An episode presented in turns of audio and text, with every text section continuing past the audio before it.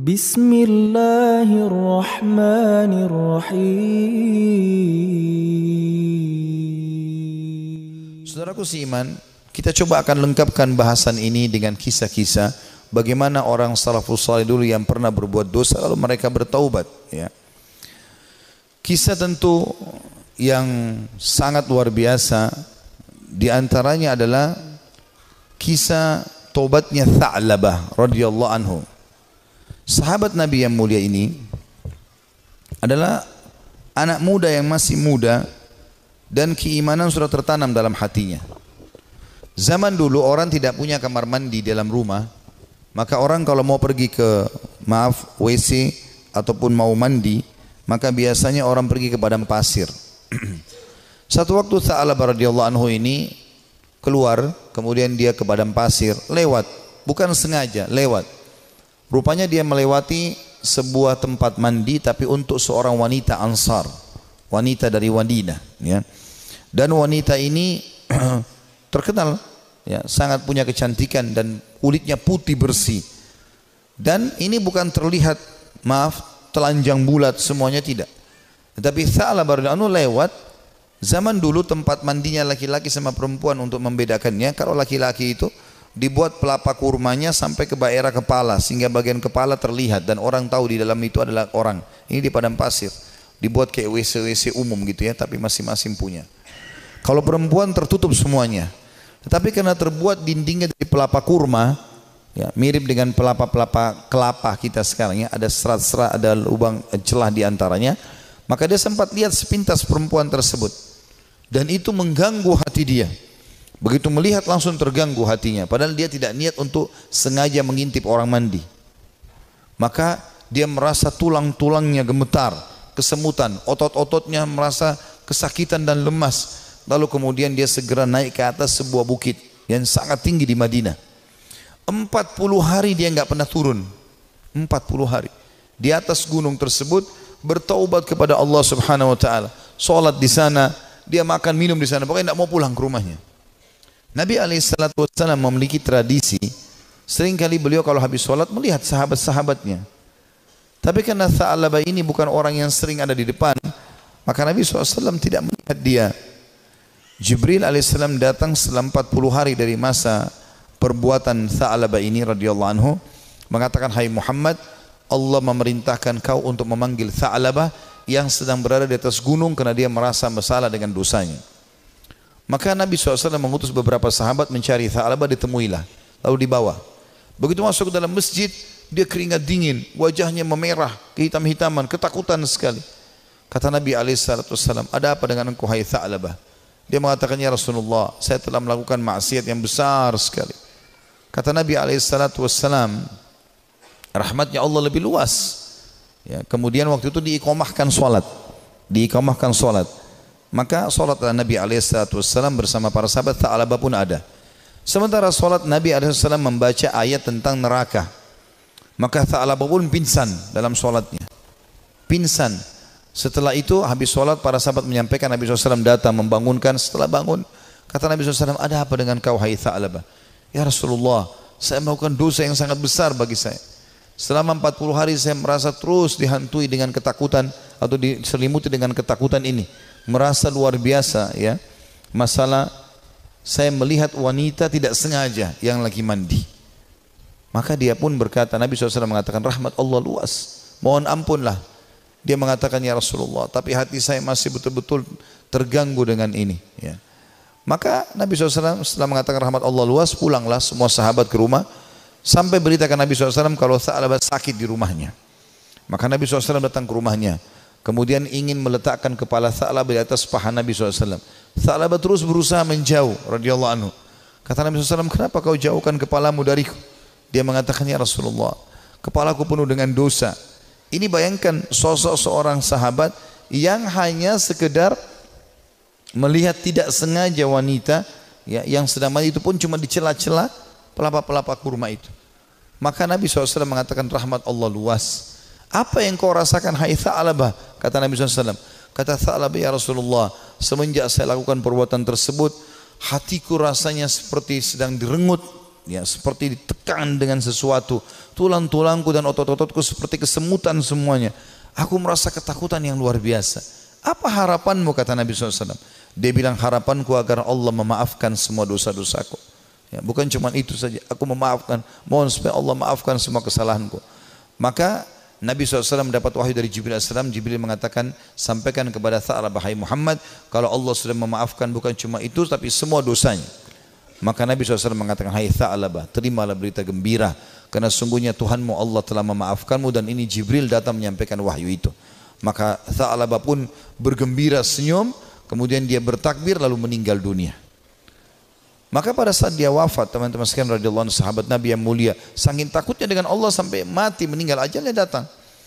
Waktu itu Nabi SAW mengatakan urus jenazah segera, kita kuburkan, dimandikan segala macam, disolati, habis sholat, lagi mau diantar ke, jenazah, ke kuburan, Nabi SAW jalan sambil jingkrak-jingkrak, ya sedikit beliau jinjitkan kakinya. Kata para sahabat ya Rasulullah, kenapa anda lakukan itu? Kata Nabi SAW, saya tidak bisa saya merasa malu dengan para malaikat dan saya tidak bisa menghitung jumlah mereka yang sedang datang melayat jenazahnya Tha'labah radhiyallahu anhu. Sahabat Nabi yang mulia memberikan pelajaran kepada kita bagaimana mereka bertaubat kepada Allah Subhanahu wa taala. Ada juga kisah yang lain dan kisah ini mirip seorang tukang jagal hewan suka menyembelih hewan dengan juga ada pernah kisah seorang ya tukang fitnah. Dua-duanya mirip kisahnya, tapi saya satukan saja. Ini disebutkan oleh para ulama tentang kisah tobatnya orang-orang terdahulu. Dua-duanya ini, tapi di waktu yang berbeda, di tempat yang berbeda, pernah melihat seorang wanita dan dia tertarik dengan wanita tersebut. Ya. Hampir setiap hari dia melemparkan godaannya kepada wanita-wanita ini, wanita ini. Selalu melemparkan kata-kata rayuan, tatapan mata, apalah, berikan hadiah segala macam. Sampai membuat wanita ini tertarik. Tapi wanita ini orang beriman kepada Allah. Tidak mau sama sekali, tidak tergoda. Diajak jalan sama-sama tidak mau, diajak ngobrol tidak mau. Satu waktu dia melihat wanita itu sedang jalan jauh. Dan jalan jauh ini pergi ke satu tempat yang kelihatannya tidak banyak orang. Maka orang kedua laki-laki ini di dua kisah yang berbeda, tempat yang berbeda, tapi kasusnya sama. Ya, jalan mengikuti perempuan tersebut. Begitu tiba di tempat yang sangat jauh, dia pun langsung menghadang wanita tersebut mengatakan, saya jauh-jauh mengikuti kamu karena saya sangat menyukaimu. Gitu kan. Maka kenapa kau sia-siakan waktu yang berdua ini? Kenapa nggak bersama-sama sekarang? Enak. Kalau kita mungkin pacaran sekarang, jauh dari orang. Kalau kau takut selama ini dengan orang, sekarang jauh dari orang. Maka wanita tersebut tiba-tiba mengatakan, kalau kau memang mencintaiku, maka kau harus tahu sebenarnya aku lebih mencintaimu. Aku pun sebenarnya suka dengan kamu. Tetapi rasa takutku kepada Allah mengalahkan itu semua. Aku tidak ingin justru karena cinta ini kemudian kita terjerumus dalam kemaksiatan dan Allah hukum kita. Maka dengan kalimat itu saja laki-laki ini tersentuh. Lalu dia mengatakan, Subhanallah yang telah memberikan peringatan kepadaku melalui lisanmu. Kau takut kepada Allah dan aku tidak takut kepada Allah? Lalu laki-laki tersebut meninggalkan si perempuan tadi dan semenjak itu dia bertobat kepada Allah Subhanahu wa taala tidak mau lagi mengenal kecuali yang halal dari mereka. Seorang salafus saleh yang lain yang luar biasa dia karena takutnya dengan fitnah wanita maka dia mengatakan ya Allah jadikanlah seluruh wanita yang tidak halal bagiku ya tidak ada perbedaan atau hilangkan syahwatku dari seluruh wanita yang tidak halal bagiku maka dia mengatakan demi Allah Allah kabulkan doa saya sehingga tidak ada syahwat kecuali pada istri saya saja, pada yang halal dan tidak ada bedanya antara wanita yang tidak halal bagiku dengan sebuah tembok. Artinya betul-betul mereka ingin menjaga diri dari perbuatan yang salah. Dinukil kisah yang lain seorang anak muda. Ini kenapa saya sebutkan banyak kisah anak muda karena memang anak-anak muda yang banyak terjerumus dalam kemaksiatan karena mereka punya potensi, energi, ya banyak banyak sekali kesempatan dan ingin tahu sesuatu itu lebih besar daripada orang yang sudah berumur. Walaupun memang orang berumur pun bisa terjadi. Tapi umumnya orang kalau sudah tua khawatir berbuat dosa. Maka ada seorang anak muda selalu berbuat maksiat di zaman Nabi Musa alaihissalam. Sibuk dengan dosa-dosa yang dia lakukan. Setiap hari diingatkan Nabi Musa tidak mau tahu. Sampai masyarakat dari Bani Israel pun sudah sudah merasa ini orang tidak ada lagi solusinya nih. Ini sudah nggak ada solusinya orang ini. Maka mereka mengeluh kepada Musa alaihissalam. Allah pun berfirman kepada Musa melalui Jibril alaihissalam, usir anakmu itu dari negerimu. Tidak boleh lagi ada di sana dia. Maka Musa alaihissalam menyampaikan kepada Bani Israel, kalau Allah sudah menurunkan firmannya menguruh anak muda ini diusir. Maka anak muda pun itu diusir dari kota tempat Nabi Musa AS dengan Bani Israel tinggal. Terus saja dia jalan sampai tiba di sebuah padang pasir yang luas. Kemudian dia merasa dirinya sakit, lemah, terpukul karena jauh dari orang-orang. Maka dia pun lalu berkata, Ya Allah, jangan engkau haramkan aku dari rahmatmu. Aku tahu aku telah berbuat dosa, tapi rahmatmu jauh lebih luas. Aku bertobat dan beristighfar kepadamu dari seluruh dosaku, Ya Allah. Maka maafkanlah aku. Terus dia ucapkan permohonan maafnya kepada Allah sampai tiga hari berturut-turut setelah itu dia meninggal dunia si anak muda ini. Setelah dia meninggal dunia sendirian di padang pasir itu dengan kondisi menyesali kesalahannya, maka dia pun uh, Musa pun alaihissalam didatang, didatangi oleh Jibril. Jibril mengatakan, Hai Musa, Tuhanmu Allah memberikan perintah kepadamu agar engkau keluar ke padang pasir ini dan itu disebutkan cirinya. Di sana ada satu wali Allah yang Allah suruh kau mengurus jenazahnya. Maka Musa alaihissalam pun keluar kepada pasien yang ditunjukkan. Begitu tiba di sana tidak dilihat kecuali anak muda tadi yang memang dianggap orang ini buruk di tengah-tengah Bani Israel. Maka pada saat itu pun Musa alaihissalam mengatakan, ya Jibril alaihissalam mengatakan, Jibril Jibril alaihissalam mengatakan kepada Musa, sesungguhnya orang ini telah bertobat selama berapa hari? Tiga empat hari meninggalkan negerimu dan Allah terima taubatnya. Maka Musa alaihissalam pun mengurus jenazahnya kemudian menguburkan dia. Kemudian menguburkan dia. Begitu luasnya rahmat Allah subhanahu wa ta'ala. Bagi orang yang masih melakukan kemaksiatan dan berfikir bahwasanya susah untuk bertaubat. Tidak ada yang susah teman-teman sekalian. Kita akan kisahkan sekarang seorang tokoh tabi'in yang masyhur. Fudail bin Iyad rahimahullah. Orang ini sangat unik ceritanya. Karena dulunya dia adalah perampok jalanan. Saking mahirnya dia mencuri, dan merampok sampai dia tidak butuh tim sendirian. Dikatakan dalam kisah ini Fudail bin Iyad sendirian, tidak butuh orang-orang lain untuk membantunya. Dan setiap kali ada kafilah mau lewat di tempat Fudail pasti mereka ketakutan. Lebih takut daripada melewati tempat yang lain. Karena Fudail bunuh, ambil hartanya. Gak ada toleransi. Dan dia satu orang bisa mengalahkan sekian banyak orang dalam duel dan berperang. Sampai satu waktu ada satu kafilah, satu malam, Fudail bin Iyad lagi nunggu-nunggu ya. Ada mangsa yang lewat, dia ingin mengambil dan merampok dari mereka. Di tengah jalan subhanallah atau di uh, pas lagi nunggu ada kafilah yang lewat, bukan tengah jalan, ada kafilah yang lewat. Kemudian kafilah ini berbicara satu sama yang lain dan Fudail mendengar Jangan kita lewat jalan sini karena ada Fudail bin Iyad. Nanti dia akan mengganggu kita ya. Dan tidak bisa kita selamat dari dia. Bagaimana dengan keadaan keluarga dan harta kita? Dengan kalimat ini yang didengar oleh Fudail, Fudail mengatakan, begitu takutnya manusia padaku, gitu kan. Maka dia pun mengatakan, mulai hari ini ya Allah, aku berjanji, aku tidak akan pernah mengganggu orang lain lagi. Dalam riwayat yang lain, Fudail lalu keluar, lalu menemui mereka, lalu mengatakan, akulah Fudail bin Iyad yang kalian sebutkan tadi. Dan karena perkataan kalian tadi, aku merasa aku telah menakut-nakuti manusia. Maka dengan itu aku akan berhenti dan tobat dan kalian akan jadi saksi. Lalu Fudail menghormati mereka menjadi tamu pada malam itu. Mulailah Fudail menyembelikan buat mereka hewan, dia berburu sendiri malam itu, dia sembelikan, dia biarkan mereka membuat kemah di sekitarnya. Setelah dia membakar makanan, dia menyiapkan makanan buat mereka, rupanya ada satu orang dari kafilah itu orang soleh membaca firman Allah Subhanahu wa taala yang berbunyi ini disebutkan dalam surah Al-Hadid ya, ayat 16 yang Allah Subhanahu wa taala berfirman a'udzubillahi minasyaitonir rajim alam ya'ni lilladzina amanu an takhsha qulubum li wa ma nazala minal haqq belumkah tiba saatnya bagi orang-orang beriman untuk tunduk hati mereka dan mereka agak tunduk hati mereka kepada zikrullah dan apa yang turun dari kebenaran dalam Al-Quran. Saudara orang Arab, dia faham betul makna ayat ini. Artinya, sampai kapan kamu mau lalai? Kata Allah SWT. Belum tibakah saatnya bagi orang beriman untuk tunduk hatinya dan berzikir kepada Allah dan apa yang diturunkan dari kebenaran dalam Al-Quran? Maka Fudail pun menangis mendengar ayat tersebut.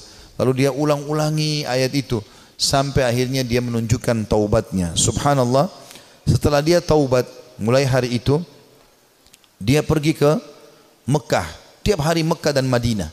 Artinya setiap saat dia di Mekah sebentar, nanti di Madinah lagi sebentar. Tidak pernah meninggalkan dua kota yang suci ini. Dan kata para ulama, orang-orang yang pada saat itu sudah menjadi ulama, ya, kemudian menjadi sahabat dekatnya Fudail. Di antaranya Abdullah bin Mubarak, Sufyan Thawri. Ini semua orang-orang yang luar biasa ibadahnya, terkenal sekali kesolehannya. Itu mereka mengatakan, kami tidak pernah menemukan orang setakut kepada Allah seperti Fudail bin Iyad. Dia luar biasa kalau datang dekat Ka'bah nangis kepada Allah Subhanahu wa taala. Kalau nangis sampai pingsan dan karena ketakutannya kepada Allah taala dan dia betul-betul tulus sampai akhirnya Allah letakkan hikmah, kalimat hikmah dari lisan dia. Banyak kalimat-kalimat mutiara yang disebutkan oleh Fudail bin Iyad rahimahullah. Dan itu dinukil oleh para ulama. Seperti misalnya dia mengatakan, sambil dia berdoa kepada Allah tapi ini orang dengar diam-diam dia, dia sebutkan diam-diam di hadapan depan Ka'bah dia mengatakan idza azharta aibana fatadhhar walan nastati'a satrah. Ya Allah seandainya engkau membuka aib-aib kami maka pasti akan kelihatan dan kami tidak akan mungkin bisa menutupinya. Wa nufdah dan kami pasti akan dipermalukan. Wa idza azharta amalana fanuhlik bi'adzabik. Dan kalau seandainya engkau memperlihatkan amal-amal kami, akhirnya orang jadi puji-puji kami, maka kami akan binasa dan kami akan kena hukumanmu. Kemudian dia juga menyebutkan dalam statementnya yang masyhur setelah dia taubat, kamu berhias untuk manusia, hai Fudail, berdandan untuk mereka, dan terus saja riak pamer ibadah-ibadah sehingga mereka menilaimu saleh mereka menunaikan kebutuhanmu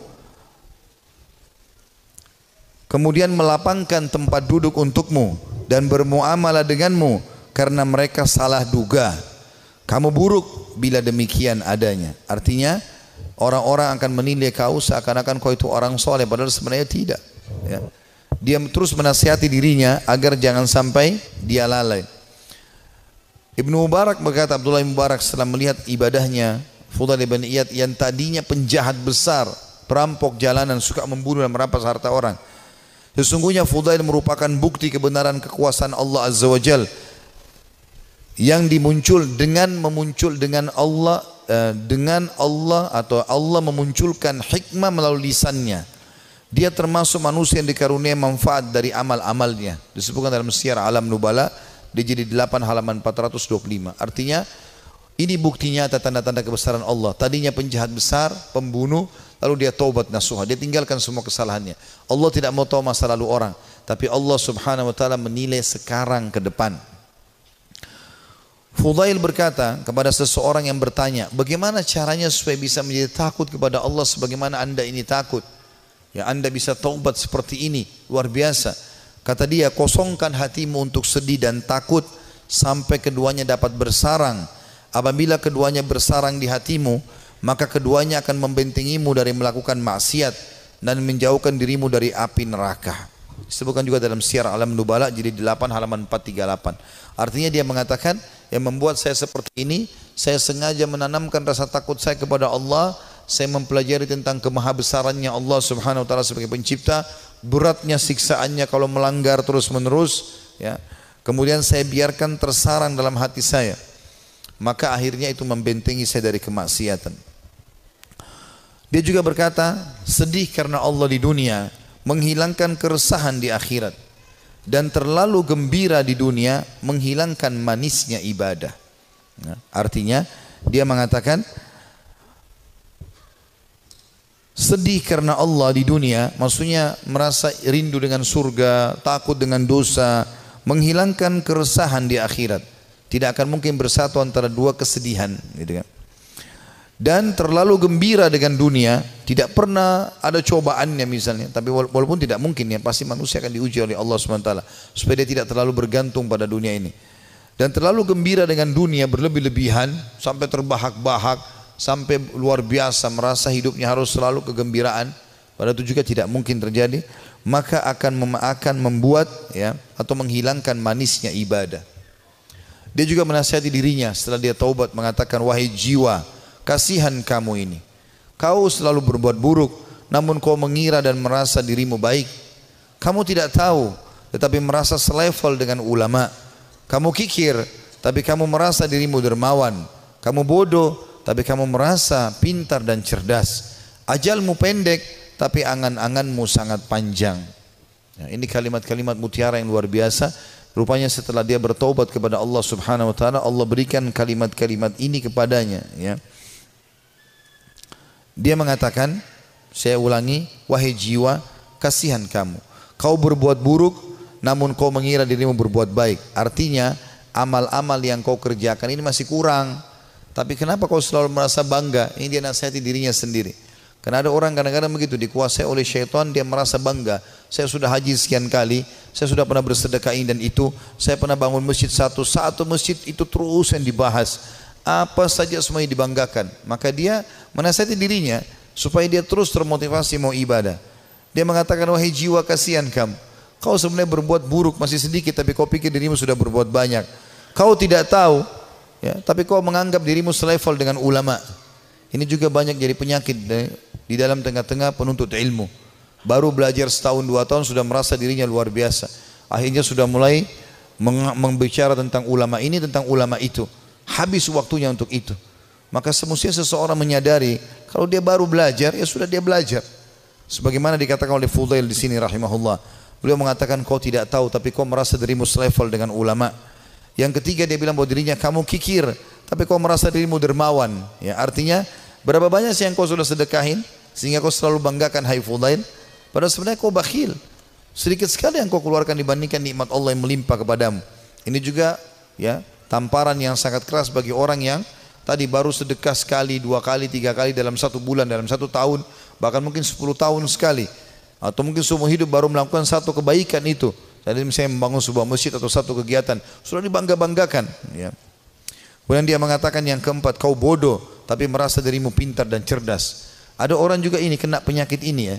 Begitu dia sudah belajar agama dia sudah mulai faham sedikit ayat hadis maka dia rasa dirinya tidak perlu belajar lagi ini keliru kita harus menuntut ilmu sampai menjelang meninggal dunia dan beliau mengatakan ajalmu pendek tapi angan-anganmu sangat panjang Artinya banyak angan-angan yang kau bangun tapi sebenarnya semuanya itu mengganggu hidupmu. Juga dia berkata Fudail rahimahullah manusia paling berdusta adalah mereka yang mengulangi perbuatan dosa yang pernah dilakukannya. Manusia yang paling dusta adalah manusia yang mengulangi apa yang pernah dia lakukan dulu. Ya. Manusia yang paling bodoh, jadi kalau dia pernah buat dosa dia ulangi lagi berarti dia manusia paling dusta. Karena dia sudah tahu salah tapi kenapa dia lakukan? Lalu dia mengatakan manusia paling bodoh adalah manusia yang memperlihatkan amal kebaikannya. Kalau ada manusia yang mau dinilai paling bodoh adalah orang yang suka pamer-pamer amalnya. Ya, saya ini lakukan. Saya sudah haji sekian kali. Saya sudah bangun masjid ini dan itu. Saya sudah begini dan begitu. Dia banggakan amalnya. Itu manusia yang paling bodoh. Karena hilang semua pahalanya dengan dia ria. Lalu dia mengatakan manusia yang paling dekat dengan Allah yang paling takut kepadanya. Ini juga statementnya mirip dengan apa yang dikatakan oleh sebagian ulama yang membuat Umar bin Khattab radhiyallahu anhu yang mendapatkan kemuliaan sabda Nabi SAW wahai ibnu Khattab kalau kau lewat di sebuah lembah syaitan lihat kau melihat kau lewat di lembah itu maka dia akan mencari lembah yang lain karena takut bertemu denganmu kata ulama syaitan takut dengan Umar bin Khattab padahal Umar enggak melihatnya bertemu dengan Umar aja syaitan cari tempat lain jadi jangankan menggoda jadi dia bahkan menghindar dari Umar padahal Umar tidak melihatnya karena rasa takutnya Allah SWT kepada Allah. Karena rasa takutnya Umar bin Khattab kepada Allah Subhanahu wa taala. Jadi siapa yang takut kepada Allah, Allah akan buat ya seluruh makhluk takut kepadanya. Dan siapa yang tunduk kepada Allah, Allah juga tundukkan makhluk kepadanya. Ya, semua itu siapa yang cinta kepada Allah, Allah akan buat makhluk cinta kepadanya dan seterusnya. Juga kata beliau, manusia tidak akan sempurna sehingga agamanya mampu mengalahkan nafsunya dan manusia tidak akan binasa sehingga nafsunya mengalahkan agamanya. Ini statement yang mulia. Beliau mengatakan kalimat ini penting untuk digarisbawahi teman-teman sekalian. Manusia tidak akan sempurna sehingga agamanya mampu mengalahkan nafsunya. Artinya ilmu yang dia pelajari itu menjadi patokan dan pegangan hidupnya sehingga nafsunya diawasi oleh ilmunya. Karena ilmu agama itu mengawasi kita. Ilmu agama mengawasi kita. Kalau kita belajar agama, ilmu kita sudah oh halal haramnya Allah seperti bodyguard. Kita mau makan, mau minum, mau mencari pendapatan, mau bergaul, agama akan mengatakan itu boleh atau tidak boleh. Maka orang yang sempurna adalah orang yang justru ilmu agamanya itu bisa mengontrol hawa nafsunya. Dan sebaliknya, orang yang binasa adalah orang yang nafsunya mengalahkan agamanya. Jadi dia pun tahu agama tapi tetap saja dikalahkan oleh agamanya sendiri. Dan ini semua adalah hal mendasar yang perlu digarisbawahi dari nasihat yang mulia. Ini kita bisa ini sebagian kecil ya, banyak sekali statementnya, hampir semua buku tentang tazkiyatun nafs, ya pensucian jiwa, tentang zuhud, ya menginginkan akhirat, gitu kan, daripada dunia, semasalah keimanan, ya masalah penyesalan, itu selalu ada statementnya Fudal bin Iyad. Padahal tadinya dia ini seorang penjahat besar. Tapi bagaimana Allah subhanahu wa ta'ala memberikan kepada dia karunia dengan taubatnya yang luar biasa nasuha Allah memberikan kata-kata mutiara dari lisannya. Dia juga mengatakan Az-Zahabi berkata ditanya kepada Fudail apa itu zuhud? Apa itu zuhud mendahulukan akhirat dari dunia? Dia mengatakan banyak qanaah. Qanaah artinya merasa puas ya dengan apa yang telah Allah berikan itu namanya zuhud kata beliau jadi kalau kau mau dikatakan zuhud kau berharap akhirat dan dunia kau jalani juga tapi akhirat kau dahulukan adalah banyak merasa syukur kepada Allah. Lalu ditanya kepadanya tentang wara, wara itu menjaga kesucian hubungan sama Allah. Ia menjawab, menjauh dari yang diharamkan syariat. Apa pun yang Allah larang, tinggalkan. Bukan cuma yang haram, yang makruh pun ditinggalkan. Makan, minum, berdiri aja tidak dilakukan. Apalagi kalau sampai makan yang haram. Dan kita kalau tinggalkan sesuatu yang makruh, berarti yang haram akan lebih, lebih, lebih mudah kita tinggalkan. Orang kalau tinggalkan yang makruh, yang haram akan dia tinggalkan. Orang kalau kerjakan amal yang sunnah, amal wajib pasti akan dia kerjakan. Lalu ditanya juga kepada dia, apa ibadah itu? Ia menjawab, melaksanakan apa yang diwajibkan sebaik mungkin. Melaksanakan yang diwajibkan sebaik mungkin. Dan sekian banyak statement Fudhal bin Iyad rahimahullah yang kita bisa ambil pelajaran darinya. Artinya tidak ada kata terlambat dalam bertaubat dan kalau orang taubatnya nasuha Allah Subhanahu wa taala akan karuniakan untuk dia kelebihan-kelebihan yang banyak. Saya akan tutup dengan dua kisah di sini teman-teman sekalian. Salah satunya nanti yang terakhir adalah kisah yang cukup panjang kisah Ka'ab bin Malik radhiyallahu anhu sahabat Nabi yang mulia yang bertaubat karena dia tidak sempat ikut dalam perang Tabuk bersama Nabi alaihi salatu wassalam.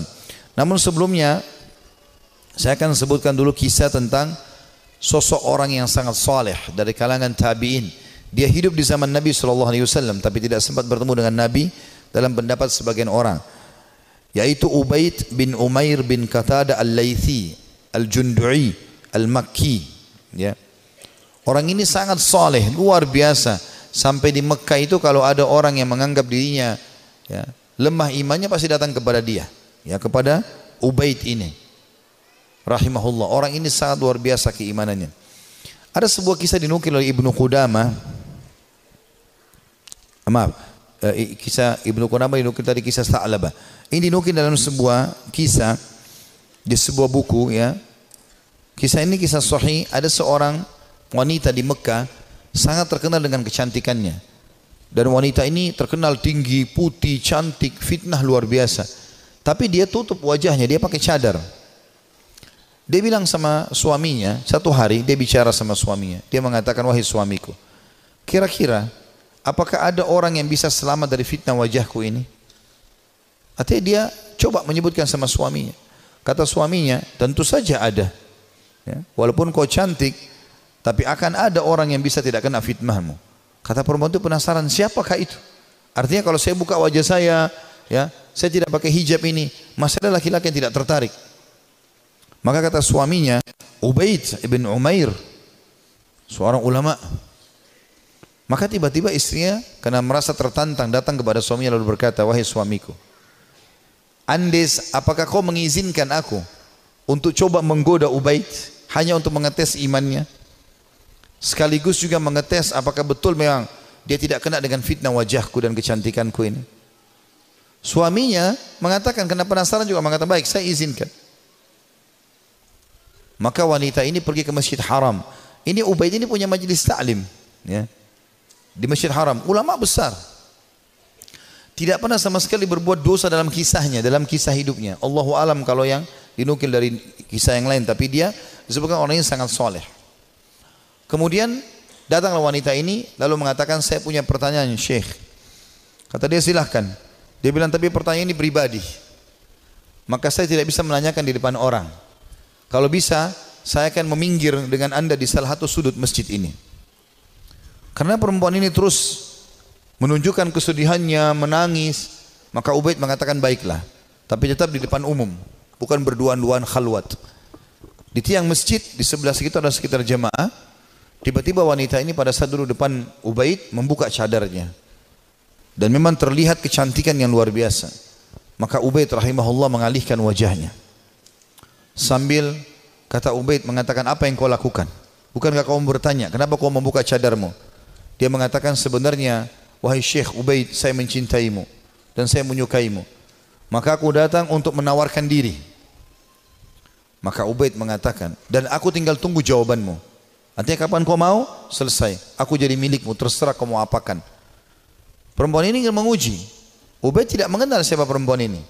Subhanallah dia mengatakan, saya akan jawab pertanyaanmu itu kalau kau menjawab lima pertanyaanku. Kata Ubaid rahimahullah. Tapi sambil buka, buang muka. Enggak dilihat ke wajah wanita ini. Wanita tersebut menggambarkan Ubaid tidak melihat sedikit pun ke wajahku. Padahal wanita ini depan matanya dan sangat cantik. Maka kata wanita tersebut tanyalah. Kata Ubaid rahimahullah. Jadi tadi dia memang bilang waktu dalam majelis saya minta saya punya masalah saya mau minta nasihat. Padahal dia cuma mau berbohong wanita ini. Tapi akhirnya mendapatkan nasihat yang benar. Apa kata Ubaid rahimahullah? Andai saja bertepatan pada saat sekarang malaikat maut datang ingin mencabut ruhmu. Apakah kau akan menawarkan hal yang sama padaku? Kalau memang kau sedang berhadapan dengan malaikat maut? Kata wanita tersebut tentu tidak. Pertanyaan kedua. Andai saja kamu sedang berada dalam kuburan tempat yang pasti kau akan datangi. Dan kau sedang bertemu dengan mungkar dan nakir dua malaikat akan bertanya di kuburan. Dan kau sedang ditanya untuk selamat ke surga neraka. Apakah kau juga akan berpikir tetap akan menawarkan dirimu seperti ini? Dia mengatakan tidak. Yang ketiga, seandainya kau sedang berada bersama aku di padang mahsyar, kemudian buku-buku amal sedang berterbangan, dan kau tidak tahu apakah kau akan terima dengan tangan kanan atau tangan kiri? Tangan kanan akan selamat ke surga, tangan kiri akan masuk ke neraka. Apakah kau juga akan menawarkan dirimu seperti ini kepadaku? Dia mengatakan tidak. Yang keempat, ya, andai saja kau sedang ditimbang amalmu dan kau tidak tahu amal baik atau amal buruk di timbangan amal hari kiamat nanti yang lebih berat. Apakah kau masih mau menawarkan dirimu padaku? Dia mengatakan tidak. Lalu kemudian pertanyaan terakhir yang kelima. Andai saja kau sedang diminta pertanggungjawaban oleh Allah tentang kecantikanmu ini, tentang keadaanmu, ya kelebihan-kelebihan nikmat yang Allah berikan kepadamu ini. Apakah kau juga akan mengatakan kepada Allah, aku sempat menawarkan ini kepada Ubaid? Maka dia mengatakan tidak. Maka maka Ubaid pun mengatakan rahimahullah, kalau gitu bertakwalah kepada Allah dan jagalah dirimu serta nikmat Allah yang ada padamu. Maka tiba-tiba perempuan tersebut menangis terisak-isak. Lalu kata Ubaid, pulanglah. Lalu Ubaid berdiri tanpa melihat sedikit pun ke wajah wanita tersebut. Setelah dia pergi, wanita itu pulang ke rumahnya. Suaminya sudah menunggunya. Ingin mengetahui berita apa yang ada sebenarnya. Maka setelah dia pulang, suaminya kaget melihat matanya merah, menangis. Kata suaminya, apa yang terjadi wahai istriku? Dia mengatakan, sungguh aku akan binasa wahai suamiku. Aku tadinya niat ingin bermaksud kepada Allah, Allah menuruskanku justru melalui Ubaid. Dan sungguh Ubaid adalah orang saleh. Dan semenjak hari itu perempuan itu tidak pernah dandan lagi sama sekali sampai ajal datang menjemputnya. Teman-teman sekalian, orang yang saleh, orang yang tulus kepada Allah Subhanahu wa taala memang orang-orang yang justru tidak mudah tergoda. Kalau antum hanya sekedar dengan godaan sedikit mudah tergoda, itu masih orang biasa. Tapi kita harus menjadi orang yang luar biasa memang. Tidak boleh mudah tergoda. Allah Subhanahu wa taala menyebutkan tentang ahli surga di dalam firman-Nya pada saat mereka masuk ke dalam surga nantinya di hari kiamat itu disebutkan malaikat akan masuk dari semua pintu-pintu istana mereka. Dan mereka akan berkata berkata para malaikat salamun alaikum bima sabartum fa ni'ma uqbaddar selamatan selamat buat kalian keselamatan buat kalian atas kesabaran kalian dan ini sebaik-baik tempat untuk kembali surga maksudnya kata ulama tafsir yang dimaksud dengan makna malaikat akan berkata ya selamat atas keselamatan atas kesabaran kalian karena mereka sabar dalam tiga hal ini butuh kesabaran teman-teman sekalian. Yang pertama, sabar dalam mengerjakan ketaatan. Untuk bangun sholat, untuk tutup aurat, mencari pendapatan halal, ya itu semua butuh kesabaran. Dulu di majelis ilmu seperti ini butuh kesabaran. Bangun sholat malam butuh kesabaran. Bersedekah padahal kita butuh butuh kesabaran. Berbakti dengan orang tua yang sudah sangat tua butuh kesabaran. Konsisten dengan kejujuran butuh kesabaran. Perjuangan semuanya butuh sabar. Ini sebab masuk surga karena kesabaran. Yang kedua, sabar dalam menolak kemaksiatan. Jadi semua kita di sini yang hadir punya peluang berzina, punya peluang berbohong, punya peluang melakukan semua dosa. Bukankah sekarang di zaman kita fitnahnya sangat besar? Di handphone kita bisa masuk penawaran zina dengan sangat mudah. Bukankah sangat mudah kita untuk riba, menipu, mencuri, apa saja. Tapi subhanallah butuh kesabaran. Sabar dalam meninggalkan kemaksiatan. Sabar. Dan kata ulama, beda pahalanya antara orang yang meninggalkan maksiat karena dia tidak punya peluang. Misal, dia cuma sepintas lihat spanduk ajakan untuk ke diskotik. Atau dia ada penawaran apa. Lalu dia bilang ah ya saya nggak suka. Cuma sebatas itu. Beda pahalanya dengan orang yang sedang bergejolak godaan yang luar biasa. Jadi misalnya memang lagi ada lawan jenis yang mengganggu dia, kemudian dia bergejolak juga ingin mengikuti hawa nafsunya, itu beda pahalanya. Nabi Yusuf alaihissalam waktu digoda oleh wanita istri raja yang ratu Mesir, itu Allah mengatakan walakat hamma bihi wa hamma biha. Laula arra burhan rabbi. Ya. Yusuf sudah cenderung sama perempuan itu, perempuan itu cenderung pada Yusuf. Artinya Nabi Yusuf alaihissalam manusiawi, tapi beliau coba berusaha menghindar, sabar, menghindar terus sampai akhirnya Allah SWT berikan tanda-tandanya. Akhirnya selamat dari godaan tersebut gitu kan. Artinya kesabaran di sini butuh ekstra. Pada saat ada peluang untuk berbuat dosa itu. Dan yang ketiga sabar dengan cobaan harian. Sabar dengan cobaan harian Izinkan saya teman-teman sekalian kita tutup dengan ini insya Allah ya kisah tentang Ka'ab bin Malik radhiyallahu anhu. Dan kisah ini adalah kisah yang sangat unik dari seorang sahabat Nabi yang taubat nasuha dari dosanya. Tapi kisah ini memang cukup panjang, saya akan bacakan. Ya. Dia mengatakan dalam riwayat Bukhari, dalam riwayat yang sahih, Aku tidak pernah tertinggal, kata Ka'ab bin Malik, dari Rasulullah sallallahu alaihi wasallam dalam peperangan apa pun yang dipimpin oleh beliau kecuali dalam perang Tabuk dan perang Tabuk ini terjadi perang terakhir Nabi SAW sebelum beliau meninggal. Setelah pembebasan kota Mekah, beliau menuju ke wilayah Tabuk dan Tabuk ini uh, jaraknya sangat jauh dari Madinah dan waktu itu musim panas. Dan musim panas ini puncak-puncaknya panas biasanya buah kurma lagi sangat bagus ya, hasil panennya. Justru makin panas makin bagus kualitas kurma. Dia mengatakan saya tidak pernah ketinggalan perang bersama Nabi SAW kecuali di perang Tabuk. Memang aku juga tertinggal dalam perang Badar, namun tidak ada seorang pun yang tertinggal waktu itu dicelah. Karena Rasulullah SAW dan kaum muslimin keluar untuk menghadang kafilah dagang Quraisy yang pulang dari Syam. Hingga kemudian Allah mempertemukan mereka dengan musuh mereka tanpa rencana. Maksudnya perang Badar. Ya. Saya tidak hadir di Badar kata Ka'ab radhiyallahu anhu karena memang waktu itu bukan kewajiban tapi pilihan. Cuma di perang tabuk memang kewajiban dan aku terlalaikan pada saat itu. Kata beliau, dan sebelumnya aku telah hadir bersama Rasulullah SAW pada malam Aqabah. Aqabah ini nama jumrah, jumrah Aqabah. Orang kalau haji biasa tahu masalah itu. Tempat melontar Aqabah. Aqabah itu sebuah bukit yang kecil, namun bisa dinaiki oleh orang dan bisa orang merasa tinggi dari tempat itu. Disilakan dengan Aqabah. Pada malam Aqabah, waktu Nabi SAW sebelum hijrah ke Madinah pernah ada bayat Aqabah, janji setia di Aqabah dan Kaab hadir pada saat itu. Dan sebelumnya kata beliau, aku telah hadir bersama Rasulullah SAW pada malam Aqabah sewaktu kami bersumpah setia membela Islam. Ya.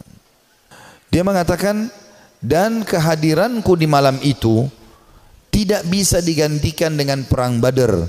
Walaupun perang Badar lebih dikenang di tengah orang-orang daripada Bayat Aqabah atau janji setia di Aqabah. Dan di antara kisah hidupku adalah ketika aku tertinggal dari Rasulullah SAW pada perang Tabuk, Aku tidak pernah merasa lebih kuat dan lebih mampu daripada ke keadaanku ketika aku tertinggal dari perang itu. Jadi maksudnya pada saat itu aku tidak punya alasan untuk tidak ikut perang tabuk. Waktu itu Nabi SAW mewajibkan semua laki-laki yang kuat dan tidak punya udur. Ya. Pada saat itu aku sangat kuat, belum pernah aku sekuat itu sebelumnya. Demi Allah, aku sebelumnya tidak pernah memiliki uh, dua kendaraan, namun di perang itu aku memilikinya. Jadi selain fisikku kuat, aku juga memiliki dua ekor kuda. Sebelumnya belum pernah aku punya dua ekor kuda. Jadi aku sekarang lebih baik secara ekonomi. Rasulullah SAW tidak pernah menginginkan peperangan, melainkan beliau menyembunyikan daerah sasarannya dengan mengisyaratkan seolah-olah beliau menuju yang lainnya. Hingga pada perang itu Rasulullah SAW berperang menuju Tabuk dalam musim yang sangat panas dan menghadapi perjalanan yang sangat jauh menempuh padang pasir dan menghadapi jumlah pasukan yang sangat besar. Beliau menjelaskan kepada kaum muslimin tentang urusan mereka yang sangat serius agar mereka bersiap-siap dengan segala perbekalan mereka untuk menghadapi perang. Beliau menjelaskan kepada mereka arah mana yang hendak beliau tuju. Artinya pada saat itu Nabi SAW mewajibkan semua laki-laki dan Nabi mengingatkan ini yang kita datangi pasukan Romawi. Jumlahnya sampai 250 ribu personil jumlah sahabat itu, itu sekitar 30 ribu saja ya.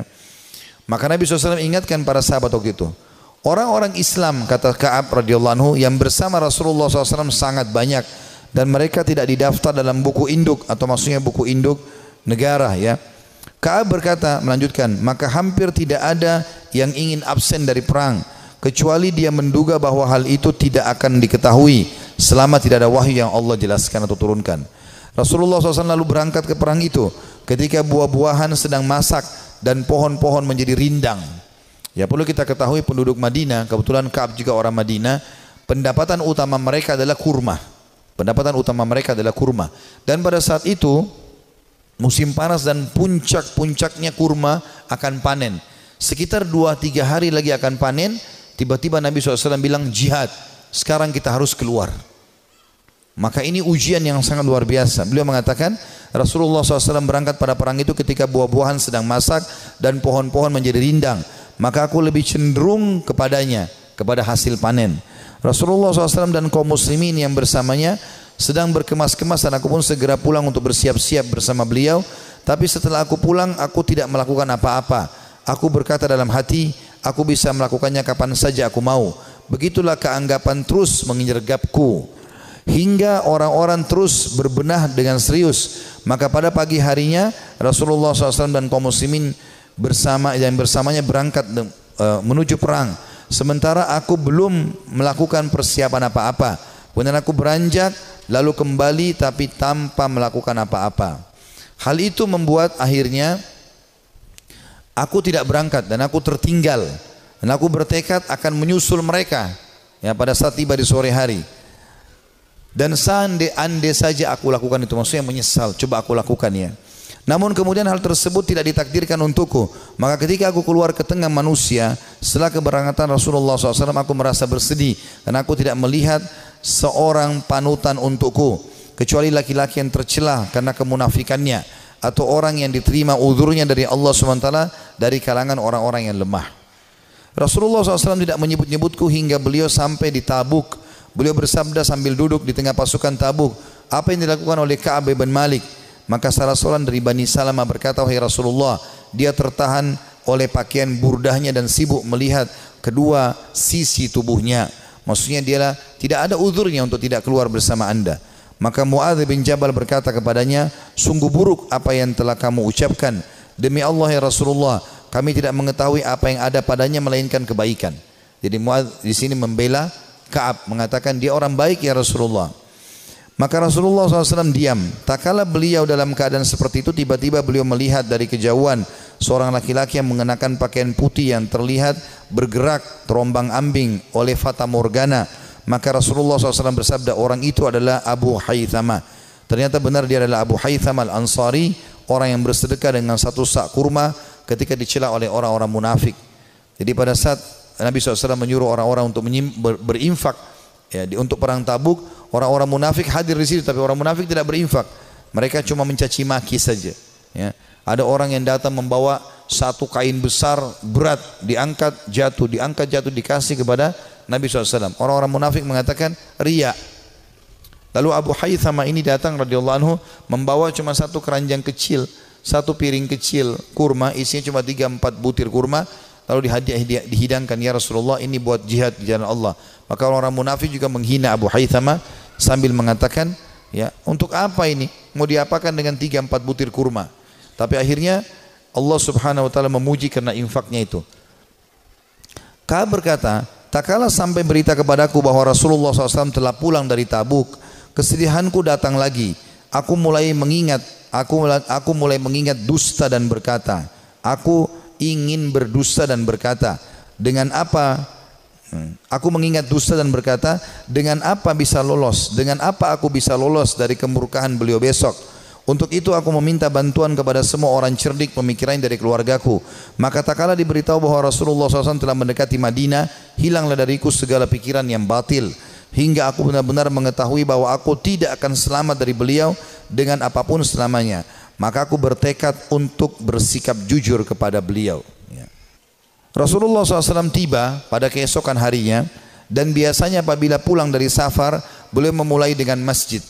Dan beliau sholat dua rakaat kemudian duduk di hadapan orang-orang. Ketika beliau melakukan demikian orang-orang yang tidak ikut perang mendatangi beliau untuk menjelaskan uzurnya dan bersumpah kepada beliau. Mereka bersumpah mereka berjumlah kurang lebih 80 orang yang tidak ikut berperang di perang Tabuk. Maka beliau menerima lahir mereka, membaiat mereka dan memohon ampun untuk mereka serta menyerahkan rahasia mereka kepada Allah Subhanahu wa taala. Hingga aku datang Tak kala aku mengucapkan salam, beliau tersenyum dengan senyuman orang yang marah.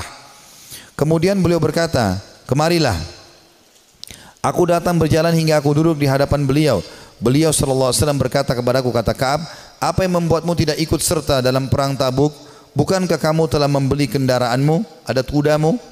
Ka'ab berkata, aku berkata wahai Rasulullah, sesungguhnya aku demi Allah seandainya aku duduk di hadapan orang selain anda dari penduduk dunia pasti aku yakin bahwa aku akan lolos dari murkahnya dengan sebuah alasan karena aku telah diberi kemampuan untuk berdebat akan tetapi demi Allah aku benar-benar mengetahui bahwa jika hari ini aku menceritakan kepada anda jus cerita dusta yang dengannya anda bisa merelakanku tentu tidaklah tidak lama Allah pasti akan menjadikan anda murka kepadaku dan apabila aku menceritakan kepada anda dengan cerita yang jujur, pasti anda murka kepadaku karenanya.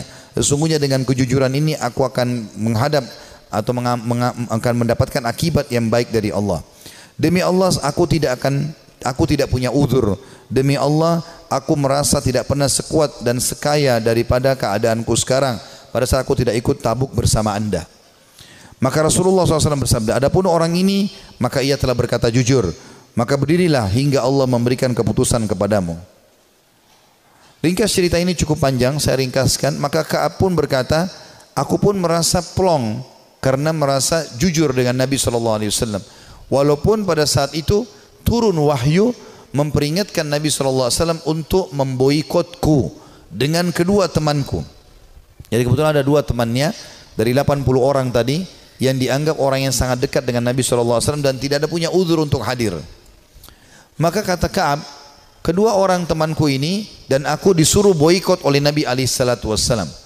Maka tidak dijawab salam kami, tidak senyum pada kami, tidak ada yang salaman pada kami. Tiga orang ini.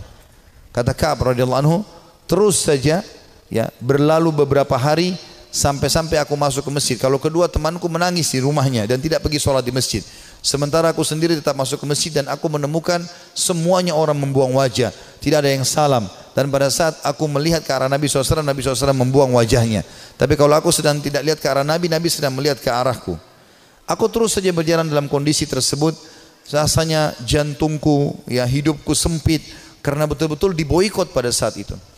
Setelah berjalan kurang lebih 30 hari, sebulan dari masa itu, maka datang perintah dari Nabi alaihi salatu wassalam, perintah dari Allah agar ketiga orang ini menjauhi istri-istri mereka, termasuk Ka'ab. Maka mereka pun ya melakukan itu. Kata Ka'ab waktu datang utusan Nabi SAW, apakah Nabi menyuruh aku menceraikan istriku? Kata Nabi Wasallam, eh, kata utusan Nabi SAW tidak, sama sekali tidak. Tidak ada sama sekali perintah untuk menceritakan. Kamu hanya disuruh pisah saja. Kemudian kedua sahabatku kata Kaam meminta memohon kepada Nabi Shallallahu Alaihi Wasallam agar istri atau istri-istri mereka memohon kepada Nabi SAW untuk tetap bisa serumah walaupun tidak ada biologis tapi melayani makan dan minum suaminya lalu Nabi SAW izinkan tapi tidak ada biologis di antara mereka lalu kata orang-orang kepada Kaab hai Kaab kenapa kau tidak minta seperti dua sahabatmu tadi minta agar ya Nabi SAW izinkan istrimu melayani walaupun tidak ada biologis. Kata dia tidak demi Allah. Saya akan menjalani hukuman ini semaksimal mungkin supaya juga pengampunannya maksimal. Kata Kaab dalam kondisi seperti itu satu Madinah memboikot istriku juga tidak boleh serumah denganku maka aku menemui seseorang yang datang dari luar Madinah lalu teriak-teriak sambil mengatakan mana Ka'ab bin Malik mana Ka'ab bin Malik begitu aku melihat orang tersebut aku mengatakan aku Ka'ab orang itu menyerahkan sebuah surat yang ternyata dari Raja Gassan.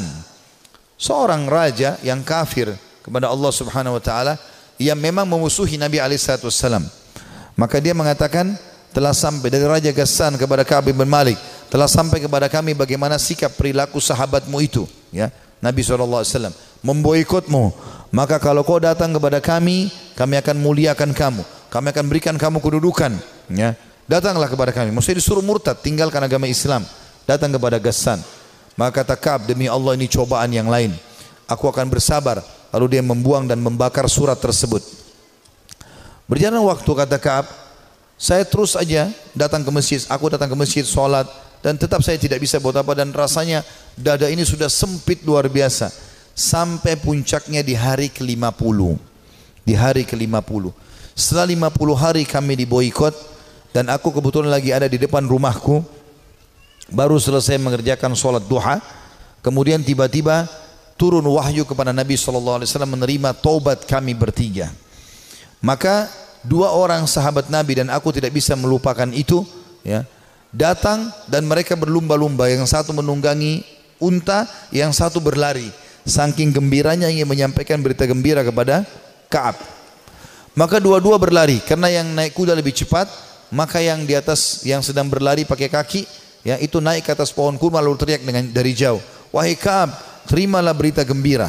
Terimalah berita gembira dari pertama atau dari semenjak kau dilahirkan oleh ibumu. Semenjak kau dilahirkan oleh ibumu. Sesungguhnya telah turun wahyu Allah menerima taubatmu. Maka kata Kaab aku belum pernah merasa bumi sesempit itu sebelumnya dan aku belum pernah merasakan bumi seluas itu setelahnya Artinya sebelum datang berita gembira ini bumi sangat sempit rasanya, dadaku sempit, semuanya jadi susah hidup ini.